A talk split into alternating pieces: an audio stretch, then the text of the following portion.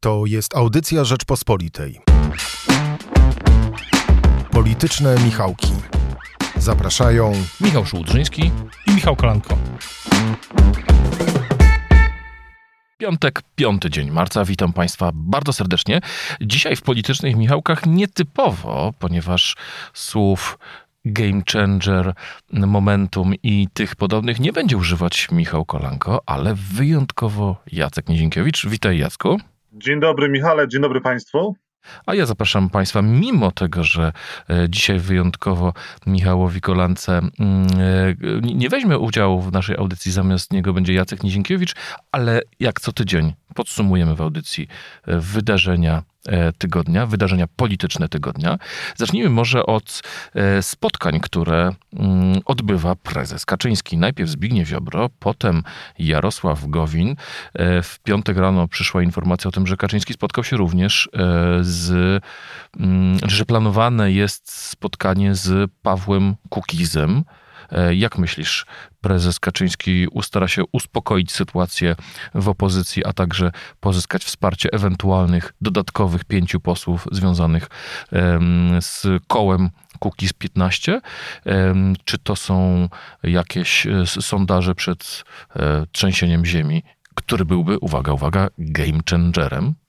Pozdrawiamy Michała Kolanko przede wszystkim i te spotkania, które odbyły się, e, one dotyczą tak naprawdę w dużej mierze e, głosowania, które jest przed nami w Sejmie, mianowicie ratyfikacji unijnego funduszu odbudowy. Prawo i Sprawiedliwość, żeby ten fundusz odbudowy został ratyfikowany, potrzebuje głosów nie tylko swoich parlamentarzystów, e, mówię tutaj o parlamentarzystach Prawa i Sprawiedliwości, e, ale wszystkich e, parlamentarzystów Zjednoczonej Prawicy, czyli, również posłów Solidarnej Polski, którzy współtworzą z posłami PiS i porozumienia klub parlamentarny PiS. W związku z czym, jeżeli Zbigniew Ziobro deklaruje, a to właśnie robi przez ostatnie tygodnie, że. Tak, już wcześniej to zadeklarował. Tak, że nie poprze, nie poprze e, ratyfikacji e, Unijnego Funduszu Odbudowy, to wtedy Prawo i Sprawiedliwość, uwaga, jest na łasce opozycji. A tego Jarosław Kaczyński chciałby uniknąć ze względów wizerunkowych, ponieważ to pokaże jednak, że Zbigniew Ziobro nie jest tak E, zdyscyplinowany, jak chciałby Kaczyński, i też pokaże, że jednak te przystawki, jak mówiło się nieco pogardliwie o mniejszych e, współpracownikach, koalicjantach e, Prawa i Sprawiedliwości, nie są tak karne i posłuszne, jak chciałby prezes Kaczyński, no bo to jednak będzie bardzo wizerunkowy cios w prezesa Kaczyńskiego i, i pra, obóz Prawa i Sprawiedliwości i pokazanie e, opinii publicznej, że Solidarna Polska, ugrupowanie Zbigniewa Ziobro, no jest bardzo podmiotowe i robi co chce, a nie to, co chciałby Jarosław Kaczyński. W związku z czym to spotkanie między innymi tego dotyczyło. A nie wiemy, czy Platforma Obywatelska poprze ten fundusz odbudowy, czy wstrzyma się od głosu. I gdyby się wstrzymała od głosu, to już byłby problem dla e, Prawa i Sprawiedliwości, stąd też próba pozyskania głosu kukizowców, ale ci też chcą poparcia dla e, swoich projektów ustaw, bo jak wiemy, e, minister, marszałek Witek, podobnie jak wcześniej marszałek Kuchciński, jako marszałkowie Sejmu mrożą w tak zwanej zamrażarce e, sejmowej projekty ustaw e, opozycji. A Kukizowi zależy właśnie na ustawie o sędzim pokoju, tak? który by miał e, przyspieszyć nasze sądownictwo. Ale jak myślisz, skąd wynika ta niechęć Jarosława Kaczyńskiego do e, używania głosów opozycji? Dlatego, że pamiętamy, doszło do takiej sytuacji we wrześniu, gdy głosowano piątkę dla zwierząt. Ona przeszła dzięki temu, że opozycja ją poparła. Wcześniej z kolei, przypomnijmy, że wtedy z, z przy piątce dla zwierząt partia Gowina wstrzymała się od głosu. Część posłów Solidarnej Polski głosowała przeciwko, ale głosowało przeciwko, jeżeli dobrze pamiętam, 17 posłów PiSu. E, z kolei wcześniej, gdy była mowa o zlikwidowaniu 30-krotności, 30-krotności limitu e, wpłaty składek na ZUS, e, posłowie i ich szef Jarosława Gowina i sam Gowin powiedzieli, że nie chcą, nie poprą tego Lewica zapowiedziała, że zagłosuje za tym prosocjalnym rozwiązaniem, które de facto oznacza, że najlepiej zarabiający muszą płacić radykalnie wyższe składki emerytalne, mimo że nie będą mieli wyższej emerytury aż, aż o tyle. E, I Jarosław Kaczyński schował tą ustawę e, do, do szuflady. Mm, czemu Kaczyński nie chce i tym razem żeby ta ustawa przeszła głosami opozycji, bo jeżeli dobrze pamiętam, e, Władysław Kosiniak-Kamysz powiedział, że Koalicja Polska zagłosuje za, czyli raczej ta ustawa przejdzie. Jarosław Kaczyński w oczach wyborców Prawa i Sprawiedliwości głosuje ramię w ramię z Platformą Obywatelską. Jarosław Kaczyński pozwala na to, żeby Zbigniew Ziobro zademonstrował swoiste wotum nieufności wobec e, premiera Mateusza Morawieckiego, głosując przeciwko. To jest jednak z politycznego punktu widzenia no, kolejne osłabienie prezesa e, Kaczyńskiego. No i na to Jarosław Kaczyński, mający naprawdę bardzo wiele kłopotów, bo ma kłopoty z porozumieniem e, Jarosława Gowina i z, właśnie z nieustające problemy ze Solidarną Polską, z posłami wewnątrz opozycji, swojego ugrupowania, ale również z Danielem Obajtkiem. Więc tego typu rozdźwięk w koalicji i koło ratunkowe ze strony ugrupowania Borysa Budki nie byłoby dobrze widziane. E, to jak już o, Borysu, o Borysie Budka, Budce mowa, e, sprawę mm, Daniela Obajtka może zostawmy na później, ale jak ty rozumiesz e, to ultimatum, które ogłosił na początku tygodnia Borys Budka, mówiąc, że Jarosław Gowin musi się zdecydować w tą albo w tą. Czasu jest coraz mniej. Czasu na co? Borys Budka powtarza to, co w zeszłym tygodniu mówił e, Szymon Hołownia i Władysław Kosiniak-Kamysz, czyli Jarosławie Gowinie zdecyduj się na to, po której stronie jesteś, e, bo inaczej e, pociąg ci odjedzie, musisz stanąć po właściwej stronie. Ale gdzie ten pociąg ma odjechać? Do wyborów są jeszcze dwa i pół roku. No tak, ale może z premier E, może, może wicepremier Jarosław Gowin ma się zdecydować na to, żeby współtworzyć e, rząd techniczny, na którego czele mógłby ewentualnie stanąć. Bo tego typu informacje my słyszymy od polityków zarówno opozycji, jak również e, partii rządzącej, porozumienia. A nie myślisz, nie myślisz, że zostanie premierem rządu technicznego w środku pandemii byłoby politycznym samobójstwem? Byłoby samobójcze nie tylko dla Jarosława Gowina, ale również dla opozycji, która musiałaby e, spić e, piankę z tego piwa, które naważyło poniekąd wieloma różnymi zaniedbaniami Prawo i Sprawiedliwość. Więc Jarosław Gowin się na to nie zgodzi i też z rozmów, które ja przeprowadzam z politykami porozumienia, z nieoficjalnych rozmów, wiem, że nie do końca traktuje poważnie teraz te e, zaproszenia i ten sposób komunikacji z nim medialnej, ten medialny sposób komunikacji z Gowinem, ponieważ e, no, to nie jest czas, to nie jest właściwy moment na tego typu rozwiązania. Na rząd techniczny, ewentualne przejście Jarosława Gowina na stronę opozycji może być czas po pandemii. Do tego tematu możemy wrócić za rok, ale nie teraz, kiedy dużo złego, jeżeli chodzi o pandemię, gospodarkę, jest jeszcze przed Polską, Polakami, a ten gniew, frustracja społeczna będzie musiał się na kimś wyładować. Więc e, Gowin dobrze kalkuluje, że nie chce w to wchodzić. No i ta koalicja, jak mówią e, członkowie porozumienia, e, koalicja Zjednoczonej Prawicy ma trwać od kryzysu do kryzysu. No i jeszcze chwilę potrwa. Ale ja bym postawił, ja bym postawił tezę, że e, Borys Budka również e, kalkuluje e, racjonalnie, bo gdyby udało mu się doprowadzić do stworzenia rządu technicznego, to wówczas okazało, to, to wówczas rola Platformy Obywatelskiej znacznie by wzrosła kosztem Szymona Hołowni, ponieważ e, to Borys Budka ma 150 posłów, od których zależałby los e, nowego rządu technicznego, a Szymon Hołownia ma zaledwie malusieńkie kółeczko. To byłby bardzo interesujący scenariusz dla Platformy i Borysa Budki, gdybyśmy byli już po pandemii. Ale w sytuacji, kiedy jesteśmy może nie w jej w środku epicentrum, ale jeszcze nie na samym końcu. Jeszcze nie jesteśmy e, scenariusz, który nie ma racji bytu. No, na razie, na razie jesteśmy mm, na początku trzeciej fali i nie wiemy, jak ona będzie wysoka i jak ona nas zaleje. E, jak w tym wszystkim odnajduje się Szymon Hołownia? Jak oceniasz tą jego aktywność w, w ostatnich e, dniach, która tak naprawdę sprowadzała się do.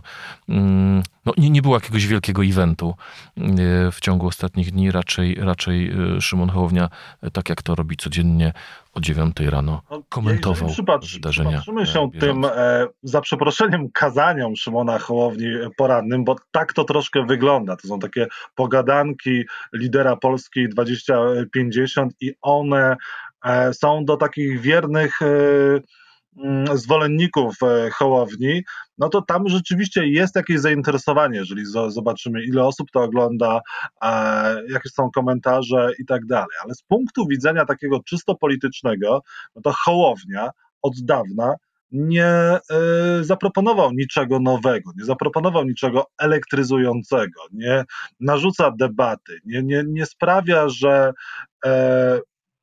żeby, żeby coś wokół niego działo się na tyle interesującego, żeby można było powiedzieć, że jest bardzo silnym graczem. Oczywiście on w dalszym ciągu e, ma ten efekt świeżości. Jeszcze pewnie przez jakiś czas na nim pojedzie. On też wiemy, że prowadzi w dalszym ciągu rozmowy e, z parlamentarzystami e, opozycji, jak również e, przedstawicielami opozycji w samorządach i te rozmowy skończą się prędzej czy później jakimś sukcesem. On ten sukces e, ogłosi w odpowiednim momencie. No ale to jest właściwie tyle. Ja też w jednej rzeczy bym bronił Hołownię przed Platformą, mianowicie e, zwróćmy uwagę na to, jak Hołownia jest atakowany przez polityków e, Platformy, którzy mówią, że on gromadzi polityków od lewa do prawa. Tutaj rozmawia z ultrakonserwatywnym Ireneuszem Rasiem, a tutaj ma na pokładzie Jannę Muchę. No i to jest takie, taki dowód na rzekome rozmycie ideowe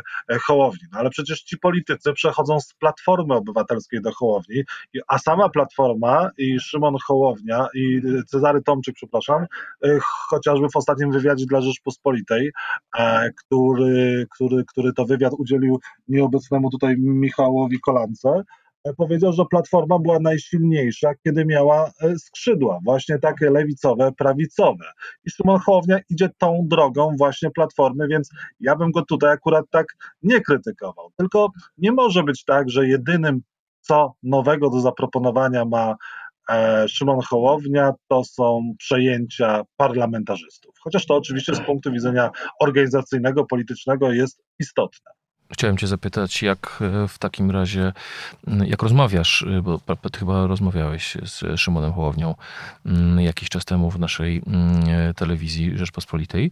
E, jakie masz wrażenie? Czy to jest polityk, który wie, czego chce? Czy to jest polityk, który się waha i szuka swojego miejsca? Czy to jest polityk, który ma sprecyzowane poglądy?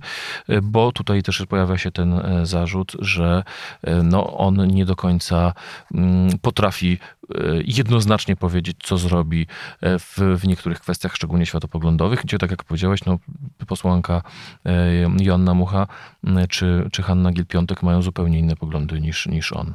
No ale nie, nie ukrywajmy, Szymon Hołownia jest politycznym naturszczykiem. E, to nie jest polityk z krwi i kości. On też, e, nawet jeżeli parał się wcześniej publicystyką, to nie była taka twarda e, publicystyka polityczna, więc on jest uzależniony od swoich doradców. No i to jest bardzo ważne, jakimi ludźmi się otaczamy, otaczamy bo w dużej mierze to właśnie ci doradcy e, kreują obraz i czy też strategię polityczną danego ugrupowania, no chyba, że się jest Jarosławem Kaczyńskim albo Donaldem Tuskiem, którzy e, są, czy też byli niepodzielnymi wodzami i doskonale wiedzieli, e, co mają zrobić, a ich e, otoczenie tylko wypełniało to. Ale jeżeli chodzi o Hołownię, no to ja nie mam takiego poczucia, żeby tam chociażby był jakiś twardy program. Tam jest reagowanie na sytuację bieżącą i umiejętne dostosowanie się do e, tego, w jakiej sytuacji się znajdujemy. Hołownia dzisiaj e, próbuje podążać z wiatrem, też próbuje wyczuwać ten wiatr każdego dnia.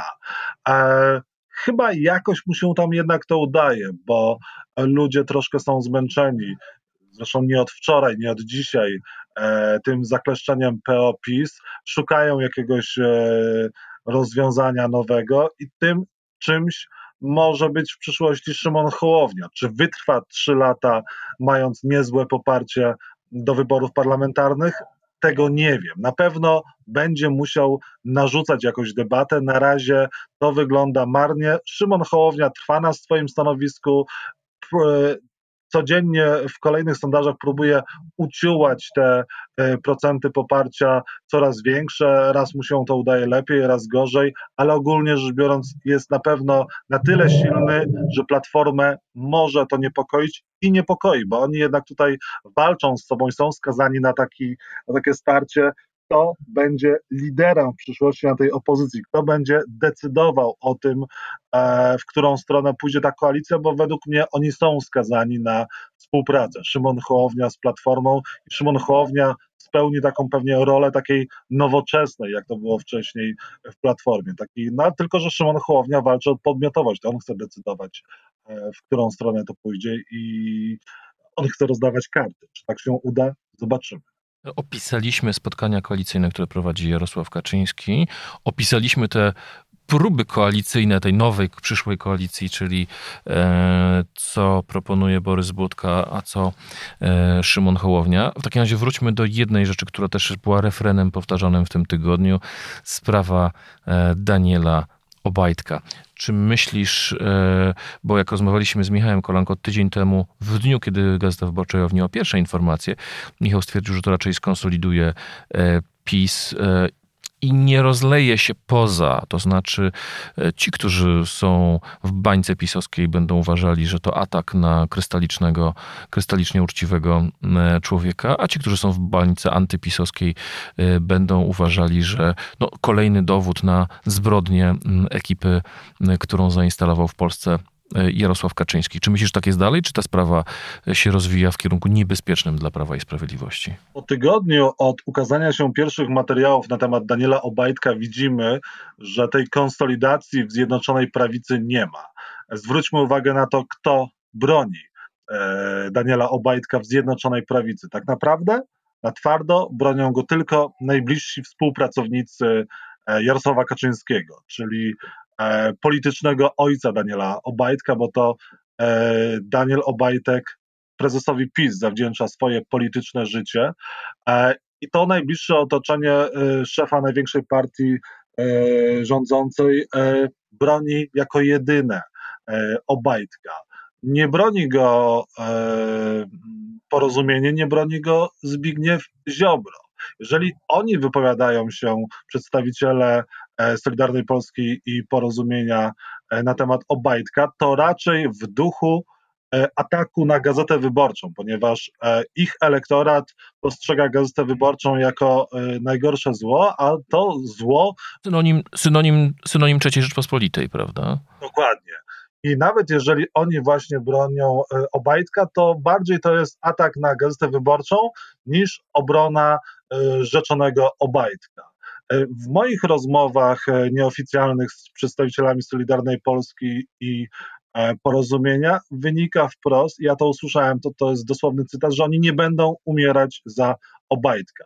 Prezes Kaczyński sam sobie tego piwa, powtórzę to jeszcze raz, naważył, więc teraz niech je sobie wypije. Trzeba było go sprawdzić.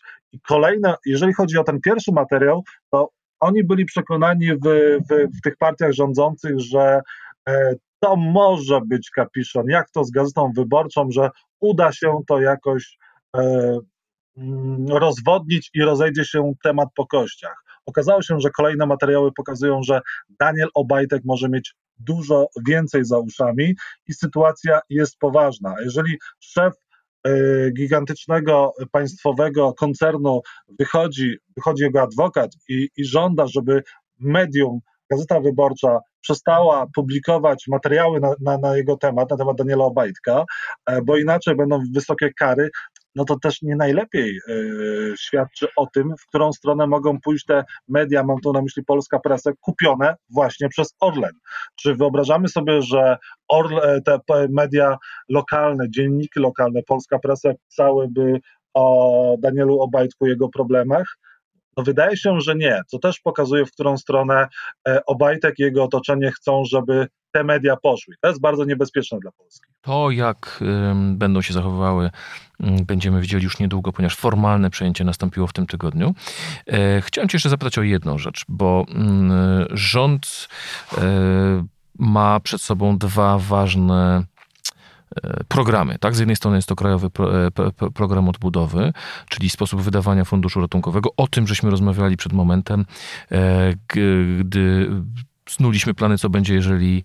Snuliśmy alternatywy, co będzie, jeżeli się okaże, że Zbigniew Ziobro podtrzyma swoją deklarację, że go nie poprze. Ale drugą, e, drugą, drugą mm, nóżką, jak gdyby, która jest e, ważna dla Prawa i Sprawiedliwości i dla Mateusza Morawieckiego, jest tak zwany Nowy Ład, czyli nowy program społeczno-gospodarczy e, Prawa i Sprawiedliwości, co do którego też E, posłowie Solidarnej Polski mieli wątpliwości. E, no, jest ta słynna mm, historia opowiada, mówiąca o tym, jak to mm, Mateusz Morawiecki pokazywał w kancelarii premiera koalicjantom E, i część e, informacji potem publicznie e, miał skrytykować mm, poseł mm, Janusz Kowalski, jeszcze wówczas minister, ale właśnie za karę, że zdradził tajemnicę, został wyrzucony z rządu, również z powodu swojej innej wizji mm, polityki energetycznej rządu. Ziobryści nie będą mieli interesu w tym, żeby typowany przez Jarosława Kaczyńskiego na następcę Mateusz Morawiecki, odniósł sukces w postaci Nowego Ładu. Myślisz, że ten Nowy Ład stanie się zarzewem kolejnego konfliktu w Zjednoczonej Prawicy? Może tak być, ale to by oznaczało, że ziobryści idą na frontalną wo wojnę z Jarosławem Kaczyńskim, a na to są dzisiaj zbyt słabi, więc prawdopodobnie będą kolejne spotkania. Zresztą tak mówią politycy Prawa i Sprawiedliwości i PiSu, że to nie było pierwsze spotkanie Zbigniewa Ziobro z Jarosławem Gowinem.